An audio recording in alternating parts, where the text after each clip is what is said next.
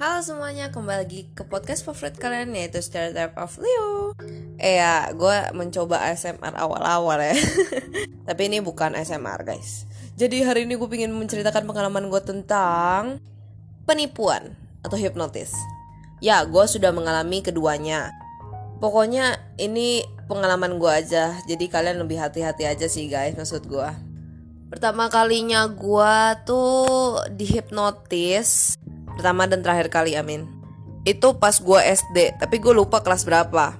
Intinya jadi malam itu gue sama keluarga gue itu mau pergi makan bareng om gue di mall PJ lah intinya namanya.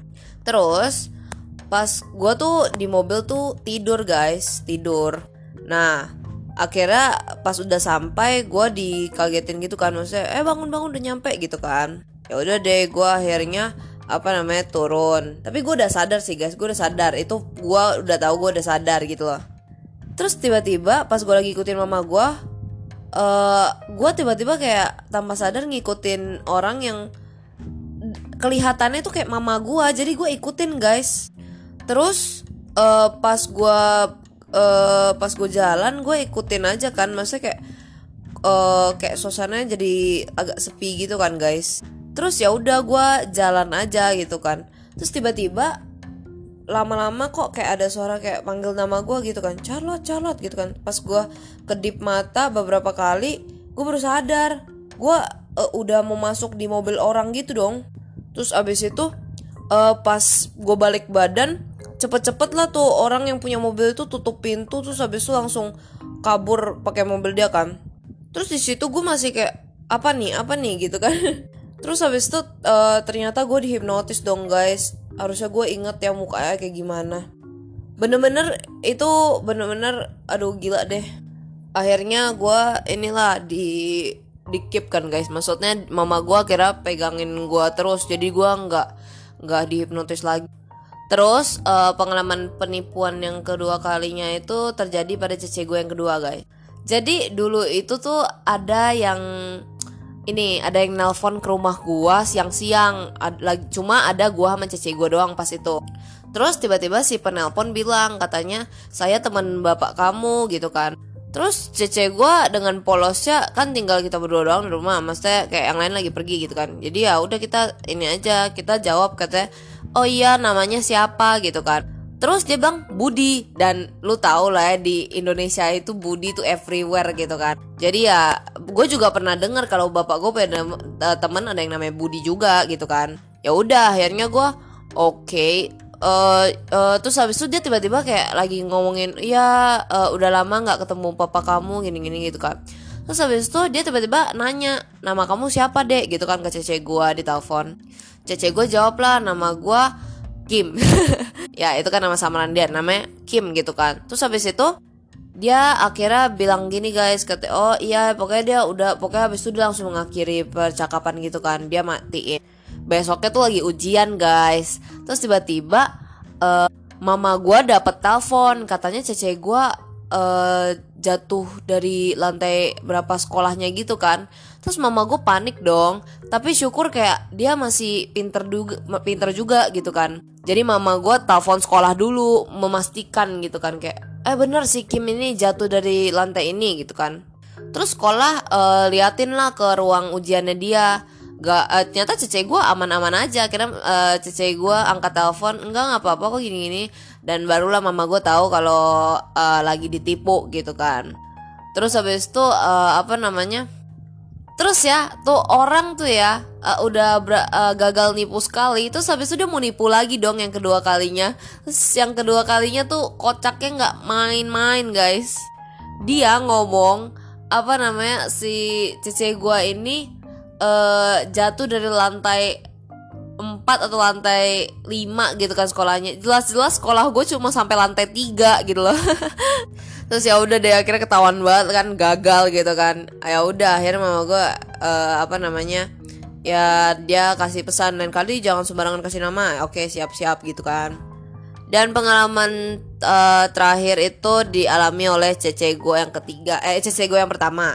Cece gue yang pertama itu tuh ceritanya waktu itu lagi all shop gitu kan. Dia emang all shop. Dulu tuh gue juga bantu ngurusin tapi ada juga yang dia dia ngurusin jual sepatu se eh jual ya jual sepatu jual dompet gitu-gitu. Dan waktu itu dia lagi jualin sepatunya sepupu gue sepupu gue itu kan millioner gitu kan. Jadi dia beli easy uh, dan itu dia cuma beli untuk pamer doang gitu kan guys ceritanya. Jadi abis itu dia bilang eh tolong dong lu jualin lagi gitu kan. Ya udah deh. Akhirnya cece gue inilah mau jualin kan. Terus abis itu kan kita masih kayak cece gue juga lugu-lugu orangnya gitu kan gue waktu itu temenin dia gitu kan. Terus habis itu tiba-tiba si pengirimnya bilang katanya oh tolong bisa tolong standby gak di banknya? Uh, eh bisa iya bisa tolong standby gak di itu kamu? Nanti liatin duitnya masuk atau enggak gitu kan. Gue tuh lagi milih-milih snack gitu loh. Itu itu nggak di bank tapi di kayak toko Indomaret gitu kan. Ya udah akhirnya tiba-tiba dia kirim nomor rekening kan. Tapi anehnya gue langsung nyadar guys itu tuh bukan nomor rekening itu kayak nomor telepon gitu kan. Jadi gue gue udah sempet nanya kayak c itu bukannya nomor telepon ya? Terus cece gue tuh kayaknya kena hipnotis pas lagi di telepon atau gimana dia tetap bilang enggak enggak itu itu nomor rekening gitu kan. Ya udah akhirnya gue kayak oh ya udah kalau lu emang merasa itu nomor itu gue kan waktu itu belum ada kartu uh, Pokoknya gue itu belum ada m banking atau belum ada apa gitu kan. Jadi ya gue nggak pernah transaksi ya gue bego-bego juga gitu kan. Ya yang sekelibat di pikiran gue waktu itu cuma kayak oh iya itu mirip nomor telepon ya gitu kan. Terus abis itu uh, apa namanya pas gue pas dia udah ini uh, apa namanya duitnya uh, dia gak berhasil transfer gitu kan Cece gue tuh begonya dia malah fotoin saldo dia guys terus habis itu uh, apa namanya pas dia kayak kirim uh, dia dibilang oh tolong ketik aja deh angka segini segini itu jumlah duitnya gak jumlah duitnya gitu kan. Uh, terus habis itu cece gue uh, ikut ikutin aja lagi kan. Habis itu udah dia kok tiba-tiba katanya error gitu kan uh, ATM-nya. Terus habis itu dia oh ya udah coba pakai kartunya papi aja uh, apa namanya nanti kita balik lagi gitu kan. Jadi akhirnya bawa pulang lah tuh kartu gitu kan. Terus habis itu akhirnya pinjem lah bang eh, apa kartu banknya bapak gua gitu kan. Terus dia akhirnya pergi sama cece gue yang kedua. Gue lagi tidur tiduran aja ya di rumah gitu kan. Tiba-tiba dia sama cece gue teriak-teriak dari depan rumah. Mimi kita ketipu gitu kan. Terus gue kayak apa? Ketipu? gitu kan bener-bener guys. Jadi itu orang tuh uh, ya tipu cara yang sekarang sih bagi gue udah mainstream gitu. Tapi waktu itu tuh jarang banget ada. Jadi makanya kita ketipu gitu kan. Terus habis itu cece gue akhirnya ini dong ketipu 4 juta. 2 juta dia 2 juta bapak gue gue udah kayak oh my gosh gitu kan. Terus habis itu apa namanya uh, cece gue inilah nangis kan pertama. Terus habis itu dia cepet-cepet makan terus cepet-cepet ke kantor polisi kan. Tapi nyebelinnya polisi itu kayak nggak nggak mau kerja gitu loh. Jadi dia kayak ya jadi ini nunggu ini nunggu ini. Terus dilempar-lempar ke sana kemari deh. Itulah ya kalau di film aja tuh polisi tuh datang terlambat. Gue kayak entah kenapa bukannya gue nggak percaya polisi tapi maksudnya aduh sulit kalau mempercayakan kepada orang lain gitu ya jadi ya ya udah deh kalau bisa tanganinnya sendiri gitu. Ujung-ujung emang tanganin sendiri guys. Jadi kita akhirnya uh, ke bank suruh blokin uh, apa tuh blokin nomor HP-nya itu sebagai nomor rekening gitu kan. Tapi udah terlambat guys. Itu bisanya besok harinya di bloknya. Jadi ya kalau dia udah narik duitnya hari itu hari ya malam itu atau ini ya masih bisa gitu loh. Jadi ya ya gitu deh. Jadi ya hati-hati ada guys ya nyebelin deh penipu itu aduh buset dah. Sekarang itu bener-bener zaman yang udah menyeramkan guys. Jadi mereka itu bisa nipu dari mana aja gitu loh. Gue udah nggak ke nggak bisa mikir lagi lah mereka itu dapat ide-ide seperti itu dari mana coba gitu kan.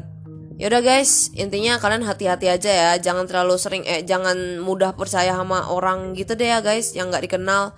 Oke okay, thank you guys. Semoga kalian men mendapat pelajaran dari sharingan gue dan ya semoga kalian ingin mendengarkan lagi untuk uh, selanjut selanjutnya jadi bye bye